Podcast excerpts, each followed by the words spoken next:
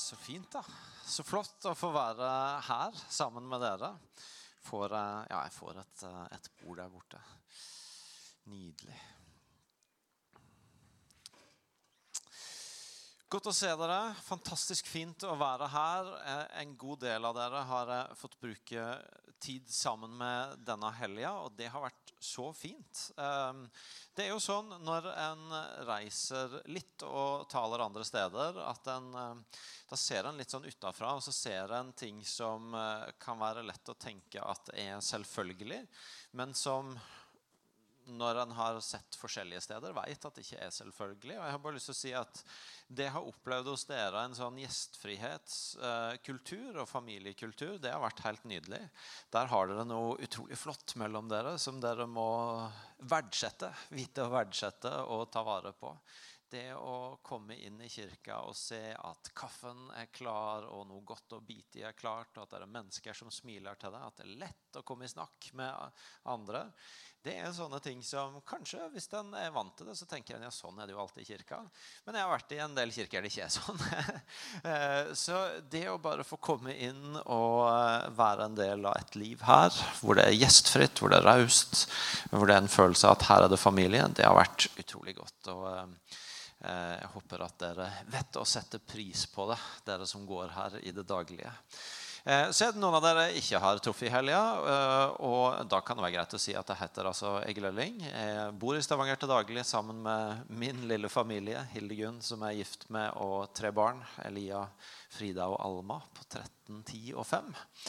Eh, Så eh, hvis eh, dere syns at det er lagt igjen noe som helst av verdi denne helga, så får dere sende en takk til de, for det er de som har betalt prisen der hjemme. Og så er vi en del av Imi-kirka i Stavanger og har vært det de siste 15 åra. Og når vi reiser sånn som vi gjør nå denne helga, så er det jo fordi at hvis noe av det som Gud har gitt til oss i vår kirke, kan være til velsignelse for noen andre, så har vi lyst til å dele fordi vi har lært at den beste måten å ta vare på noe Gud gir, det er å gi det videre. Hvis Gud gir noe godt, eh, så er det utrolig vanskelig egentlig å bli værende i det hvis du prøver å holde tett rundt det. Men hvis du holder det med løse hender og gir det videre, så er sjansene gode for at du får lov til å fortsette å leve i det. Um, og Derfor så eh, har vi vært her denne helga for å snakke om godhet. Og det skal jeg prøve å si noe om i ettermiddag kveld òg.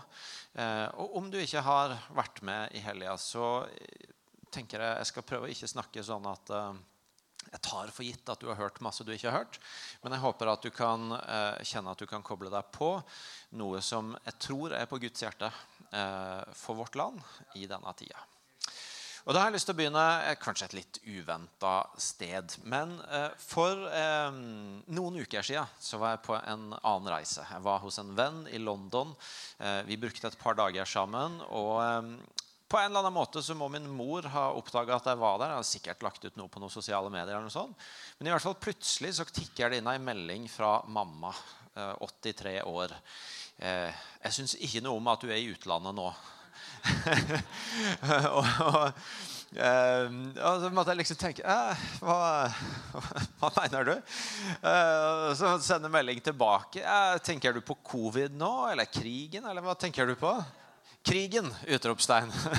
Eh, hun syntes ikke noe om at jeg ikke holdt meg nært hjemme eh, når det var krig på kontinentet. Så var det lett å liksom, litt sånn humre litt av det. Okay, jeg, tror, det går bra, mamma. Jeg tror jeg, tror jeg kommer meg hjem uh, i, uh, hvis noe skulle skje. Uh, men så blei liksom det hengende litt ved. da. Det var litt sånn reflektere over mamma er 83 år, født i 39, vokste opp like etter en skikkelig rystelse med krigen og på en måte har sett hvordan eh, verden kan rystes.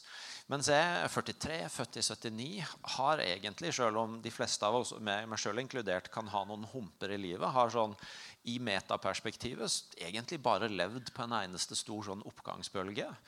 Og det slo meg litt hvor vanskelig det var for meg egentlig å se for meg at verden jeg levde i, skulle rystes, og at noe skulle bli noe annet enn å bare bli bedre og bedre. Um, og det ble litt ettertanke. Og så tenkte jeg på disse versa i Hebreerne 12, på slutten av Hebreerne 12. For der står det Den gangen fikk hans røst jorden til å skjelve.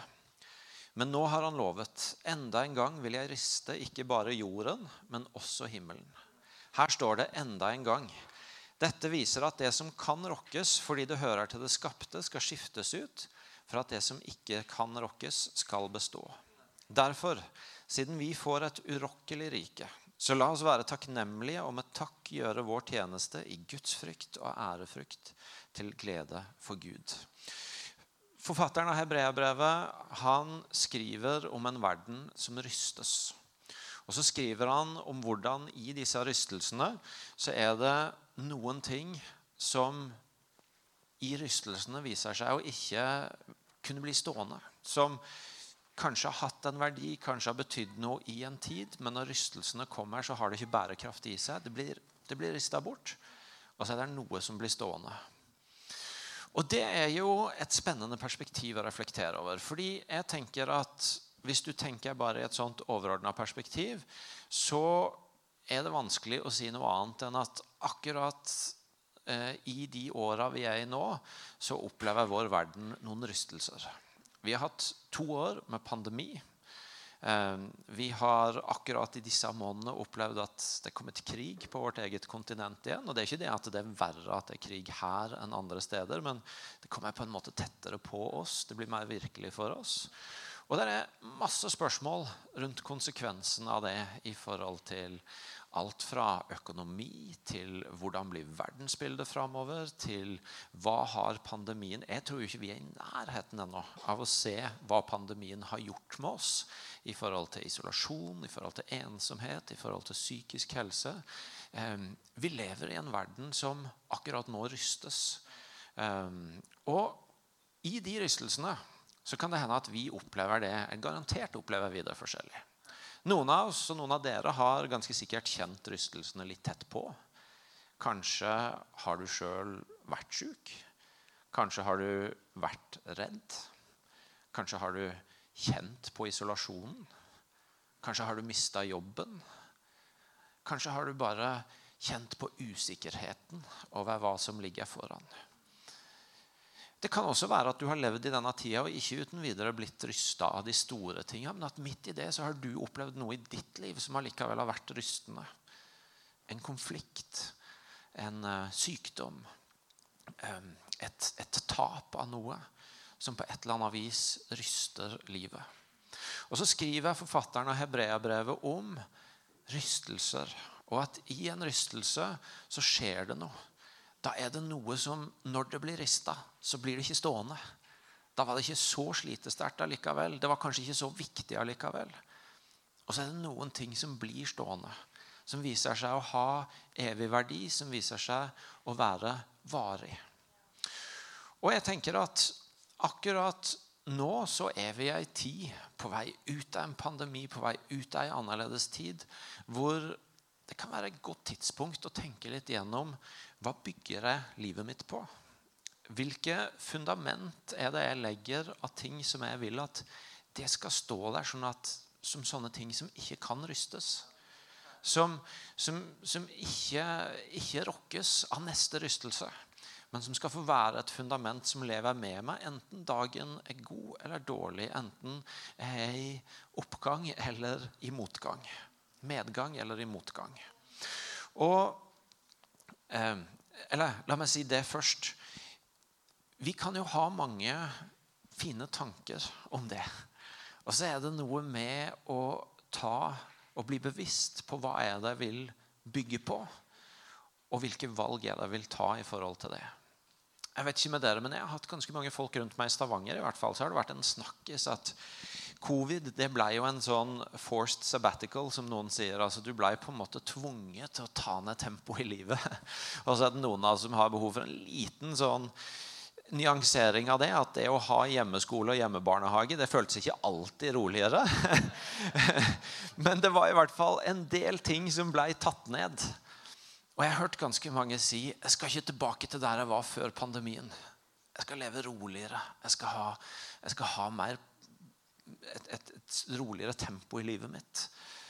Og så har jeg opplevd at ganske mange av de, når høsten kom og det åpna opp, eller når så stengte vi jo litt igjen, og så åpna det opp igjen, så Oi, der kom bare toget igjen. Der gikk det kjempefort igjen. Eh, før en fikk sukk for seg. Og det, det sier jo noe om at eh, det går ikke av seg sjøl å legge fundamentet og bestemme hva en skal bygge i livet som skal stå. Én ting er å ha tanker, og noe annet er å ta valg som står seg når toget kommer.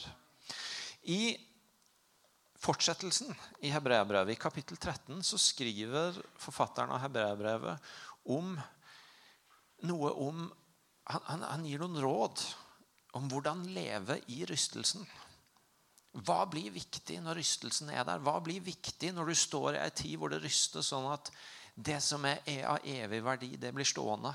Og det som ikke er det, det smuldrer. Og da skriver forfatteren av Hebreabrevet Hold søskenkjærligheten levende. Glem ikke å være gjestfrie, for på den måten har noen hatt engler som gjester uten å vite det. Husk på de som sitter i fengsel som om dere var lenka sammen med dem. Og husk på de som blir mishandla som om det gjaldt deres egen kropp. La ekteskapet holdes i ære av alle, og la ektesengen bevares ren. For Gud vil dømme de som driver hor eller bryter ekteskapet. La ikke kjærlighet til penger styre livet, men nøy dere med det dere har. For Gud har sagt, 'Jeg svikter deg ikke, og jeg forlater deg ikke'. Derfor kan vi tillitsfullt si, 'Herren er min hjelper. Jeg frykter ikke. Hva kan mennesker gjøre meg?' I disse ordene her så er det masse ting vi kunne ta tak i. Han skriver inn hvordan leve i ei tid av rystelser. Hva blir viktig? Men for fokuset vi har i denne helga, så har jeg særlig lyst til å ha oppmerksomhet på det vi møter i de tre første versene. For der står det ikke spesifikt ordet godhet som har vært fokus i helga. Men det står ting som allikevel drar i den retninga av hold hjertet deres åpent for andre mennesker og ta valg som åpner livet ditt for andre mennesker. Der står 'hold søskenkjærligheten levende'. Der står 'glem ikke å være gjestfrie'. For på den måten har mange hatt engler på besøk. Er ikke det et nydelig bilde? Tenk nå, når det snart kommer en bølge av flyktninger fra Ukraina eh, til landet vårt. Glem ikke å være gjestfrie, for på den måten har mange hatt engler på besøk. Og glem ikke de, eller Husk på de som sitter i fengsel som om dere var lenka sammen med dem. Og husk på de som blir mishandla som om det gjaldt deres egne kropp. Hold hjertet åpent for andre mennesker, og hold livet ditt åpent for andre mennesker. Det syns jeg høres ganske mye ut som godhet. Og forfatteren av Hebreabrevet sier når virkeligheten din rystes, legg vind på disse tinga. La dette være et fundament å bygge livet på i en tid av rystelser. Og jeg tenker Det er et spennende perspektiv for oss. På vei ut av en pandemi, i ei tid hvor det er masse usikkerhet i verden. I ei tid, jeg vet ikke, Vi har sikkert veldig forskjellig utgangspunkt her for å på en måte hva skal vi si, følge med på kristennyheter og sånn. Men for de av dere som leser litt sånne ting, så kan dere se at det er ganske mye som rystes i kirka òg. Eh, og ganske mange rystelser som skjer også internt i kirka. Og hvordan lever vi da? Hvilke valg tar vi da? Det kan se ut for meg som at Bibelen faktisk sier noe om at en god ting å legge som et fundament i livet til å stå i rystelser, det er godhet. Det holder hjertet åpent for andre. Det holder livet sitt åpent for andre. Mange, mange år før forfatteren av Hebreabrevet skrev det der, så skrev Salomo. Han som ble konge etter David, Davids arvtaker, og som hadde denne her når, når, når, han får mulighet til å respondere til Gud på hva, hva er det du trenger aller mest, Salomo, så sier han gi meg visdom til å skille mellom hva som er godt. Og så sier Gud, siden du ikke ba om rikdom, så skal du få både visdom og rikdom. Og Salomo han skrev disse 31 kapitlene av visdomsord i Salomos ordspråk. Og det tenker jeg, han, han, hadde en visdom som var helt bemerkelsesverdig. Han hadde en visdom som gjorde at, at, at, at, konger og dronninger fra andre steder i verden kom reisende for å møte han, for å se hva er det denne mannen bærer. Fordi han var så klok.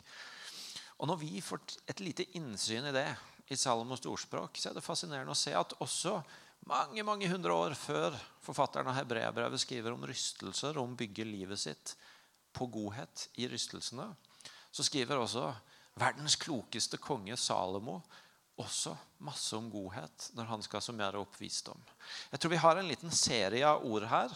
Hvis eh, jeg og eh, grafikeren er på lag. Eh, Salomo skriver f.eks.: Gi aldri slipp på godhet og troskap. Bind de om halsen, skriv de på hjertets tavle. Så verdifullt er godhet for Salomo, den viseste av de alle, at han sier ikke gi slipp på det. Skriv det på hjertet ditt. Bind de om halsen. Og videre så sier han går det, godt for de rettferdige, jubler byen. Går de rettferdige til grunne, lyder gledesrop. Det er noe med at uh, Ja, eller vi kan lese Nei, bare fortsett, du. Uh, når rettskaffene velsigner, blir byen bygd opp. Urettferdiges tunge legger den i grus. Det de to siste versene der egentlig sier noe om, det er at når, når, når, godhet får lov til å ha framgang i byen, når de som velger godhet, får lov til å ha en stemme i byen, så er det godt å leve der. Det er med på å skape et godt samfunn, en god by å bo i. Eh, vi leser videre i ordspråkene 11. Eh, den barmhjertige gagner seg sjøl. Den som er grusom, gjør seg sjøl ondt. Det verset er ganske interessant. Noen ganger så tror vi at det er litt sånn bløthjerta og naivt å vise barmhjertighet mot mennesker. Men det Salomo sier, det er faktisk at hvis du er skikkelig smart, så viser du barmhjertighet og nåde med folk. Og hvis du er litt tett i nøtta, så gjør du det ikke. Det er klokt å være barmhjertig og vise godhet mot folk. Ordspråkene 11. Én strør ut og får mer igjen. En annen er gjerrig og ender i fattigdom. Det er god forvaltning å vise godhet og være raus. Den gavmilde får gode dager. Den som øser ut til andre, får rikelig tilbake. Og så tror jeg vi har et par vers eh, i eh, ordspråkene 21 og 22. Den som jager etter rettferd og godhet, finner liv og rettferd og ære. Det å jage etter godhet i livet sitt er en vei til liv, til rettferdighet og til ære. Og til slutt, den som har øye for å gjøre godt, blir velsigna, for han deler sitt brød med den fattige. Masse ord fra Salomo som sier noe om å bygge et liv på godhet, på raushet, som både er vist for ens egen del. Det er en vei til liv. Det er en vei til å bli velsigna tilbake. Det er en vei til også å være med på å skape en virkelighet rundt seg som er god å leve i. Enten du leser Hebreabrevet eller du leser Salomo, så er det et budskap. Godhet er et godt fundament for livet. Det å ha et øye for å velsigne andre, for å vise raushet, et godt fundament for livet og for menigheten, tenker jeg. Hvordan skal vi komme ut av denne tida og være kirke i neste, i en ny normal? Ja, la oss bygge på godhet. Da. Det er et godt fundament å stå på. Hva har blitt rista i vårt fellesskap? Var det noe som smuldra til side? Hva ble stående? Ja, la oss bygge på godhet i neste fase. Og så har et nøkkelvers i denne helga vært apostlenes gjerninger 10.38, hvor det står om Jesus at han var den som gikk omkring overalt og gjorde godt. Jesus gikk omkring overalt og gjorde godt. Når Jesus kom til jorda og viste oss hvem Gud far er, så var et av kjennetegnene på han at han gikk omkring overalt og gjorde godt. Så når vi da, hvis jeg har klart å selge inn i løpet av noen minutter at godhet er et godt fundament for livet. Det er et klokt fundament. Det er et fundament som står seg, og som er godt for samfunnet rundt. Så kan vi jo spørre ja, hvordan ser det ut, da? Og så er Jesus rollemodellen vår. Jesus er forbildet. Jesus er den som viser en godhet som både gjelder for de gode og for de vanskelige dagene. Han er den som redder et bryllup som går tom for vin. Men han er også den som går hele veien til korset for å demonstrere Guds godhet. Jesus synliggjør en godhet som både tåler en godværsdag og en skikkelig uværsdag. Og Hvordan ser godheten ut i Jesu liv? Tre enkle nøkler for å prøve å huske på det.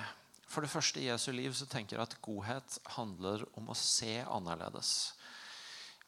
Jesus sprader gjennom Eller nei, han skred vel sikkert gjennom eh, eh, Jeriko. Eh, og, så, eh, og så ser han denne lave tolleren som sitter oppe i treet, og som heter Sakkeus, og som har lyst til å ha et glimt av Jesus. Og jeg har i mange år latt meg fascinere av det øyeblikket hvor Jesus snur seg og møter øya til Sakkeus. Jeg tenker Det er et øyeblikk hvor Jesus hadde mulighet til å tjene så mange poeng hos sine tilskuere på ydmyke Sakkeus. Fordi ingen likte han. Og alle så på Jesus. Og hvis Jesus hadde dratt en spøk på hans bekostning, så hadde alle digga det.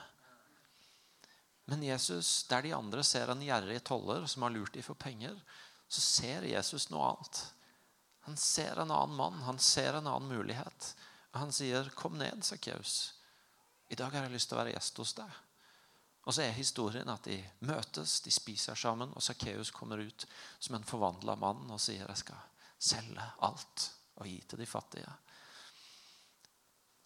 Et side av godhet tenker jeg handler om å se annerledes. Se situasjoner, se mennesker, se muligheter med et annet blikk.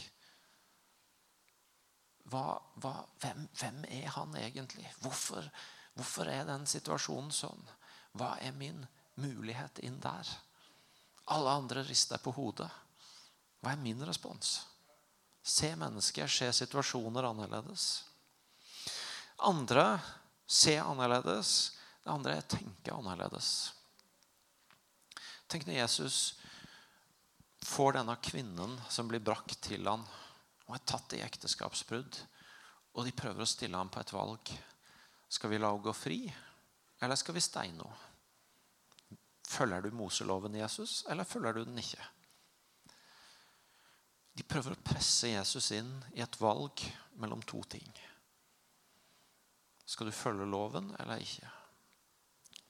Men så er Jesus den som tenker annerledes. Så han godtar ikke noen av alternativene. Han sier i stedet den av dere som er uten synd, kan kaste den første stein. Og når han har sittet og skrevet litt på i jorda og reiser seg opp igjen og ser, så har alle gått. Og så sier han heller ikke jeg fordømmer deg. Gå bort og synd ikke mer. Det står i jeg tror det er Salme 103. Hvis det er flaks, så husker jeg å lese det verset òg. Yes. Barmhjertig og nådig Herren, sen til vrede og rik på miskunn. Vi var litt inne på det i stad med visdommen òg. Det er noe i Jesus' sin mentalitet av å tenke annerledes, av å ikke godta disse svart-hvitt-alternativene han blir stilt opp for. Er du for han eller mot han? Dømmer du eller dømmer du ikke? Nei, heller ikke jeg dømmer deg. Gå bort og synd ikke mer. Jeg senker ikke standarden, men jeg er ikke kommet for å dømme noen. Jeg er kommet for å frelse verden. Jeg har en liten videosnutt jeg har lyst til å vise dere om dette, som også er et glimt fra godhet.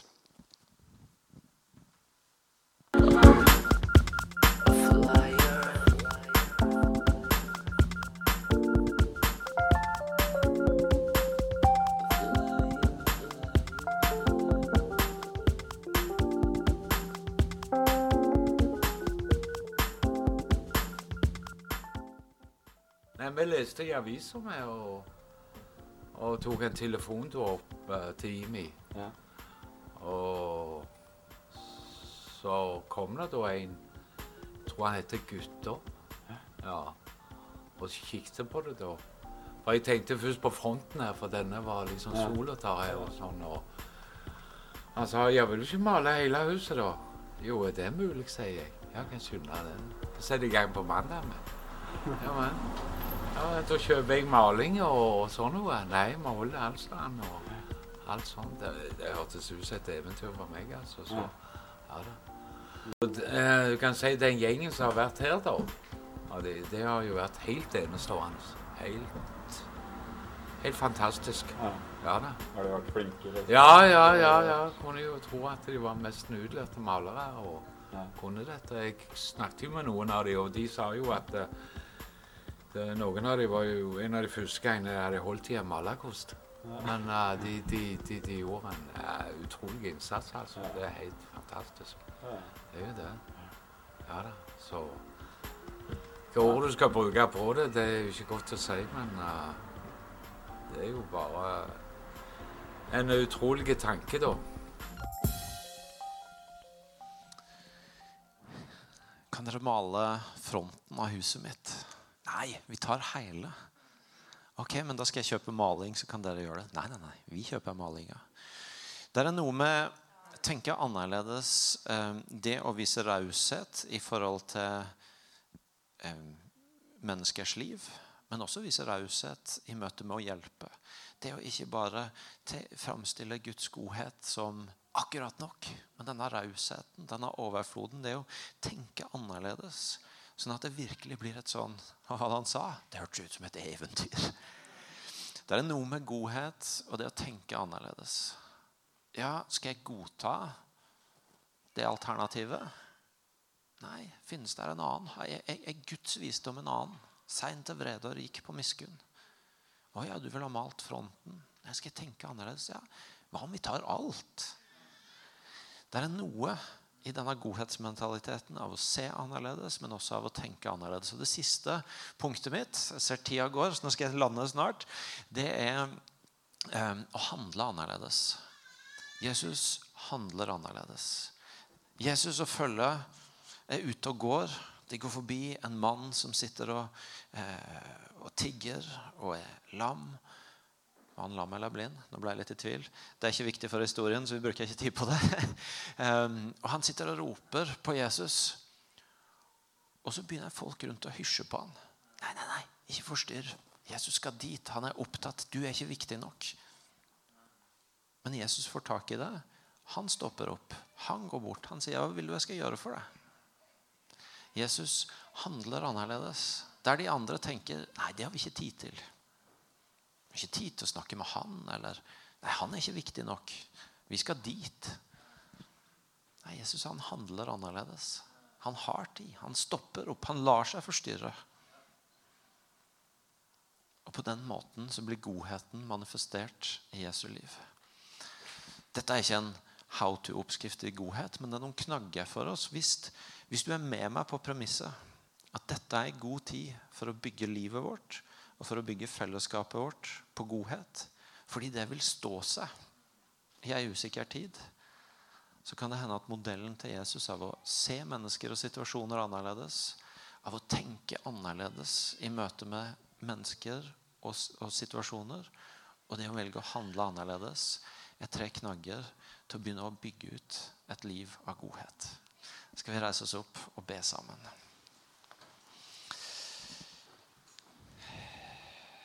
Gode, gode far.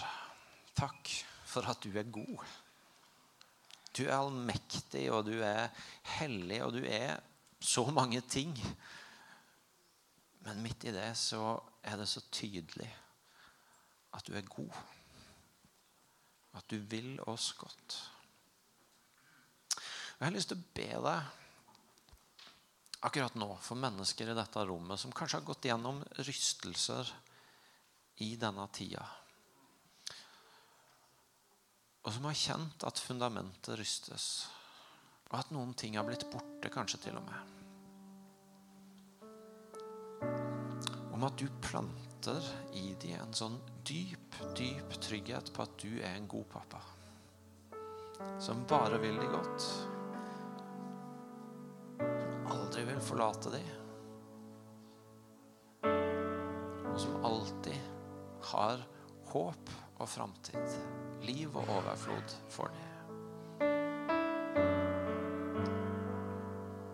Jeg ber deg om at du, Hellige Ånd, skal komme og åpenbare for oss alle et fundament som livet vårt kan stå på. Som tåler en trøkk, som tåler en rystelse.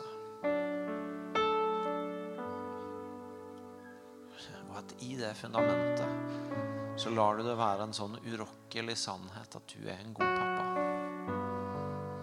At vi har en god pappa i himmelen. Med en godhet som vi kan få smake og se.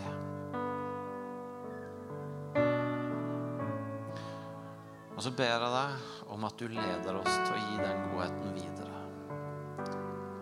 Sånn at eh, Porsgrunn og Grenland kan si at eh, dette er et bedre sted å være fordi det finnes ei kirke som arena her. Det fins mennesker som har valgt å dele det de har fått, videre ut. Og visdommen som ligger i godhet, er med på å bygge et godt samfunn. La denne kirka få være en sånn kirke som ikke bare bygger ei kirke, men som bygger en by, som bygger et samfunn. Som bygger en by og et samfunn som det er noen verdier som står seg når ting rystes. Mm. Kjære Jesus.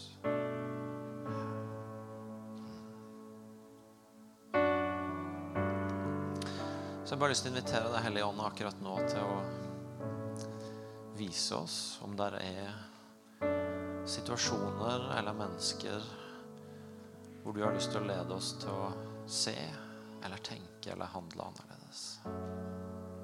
Mennesker som trenger å bli sett på en annen måte. Situasjoner som trenger å bli møtt med en annen visdom.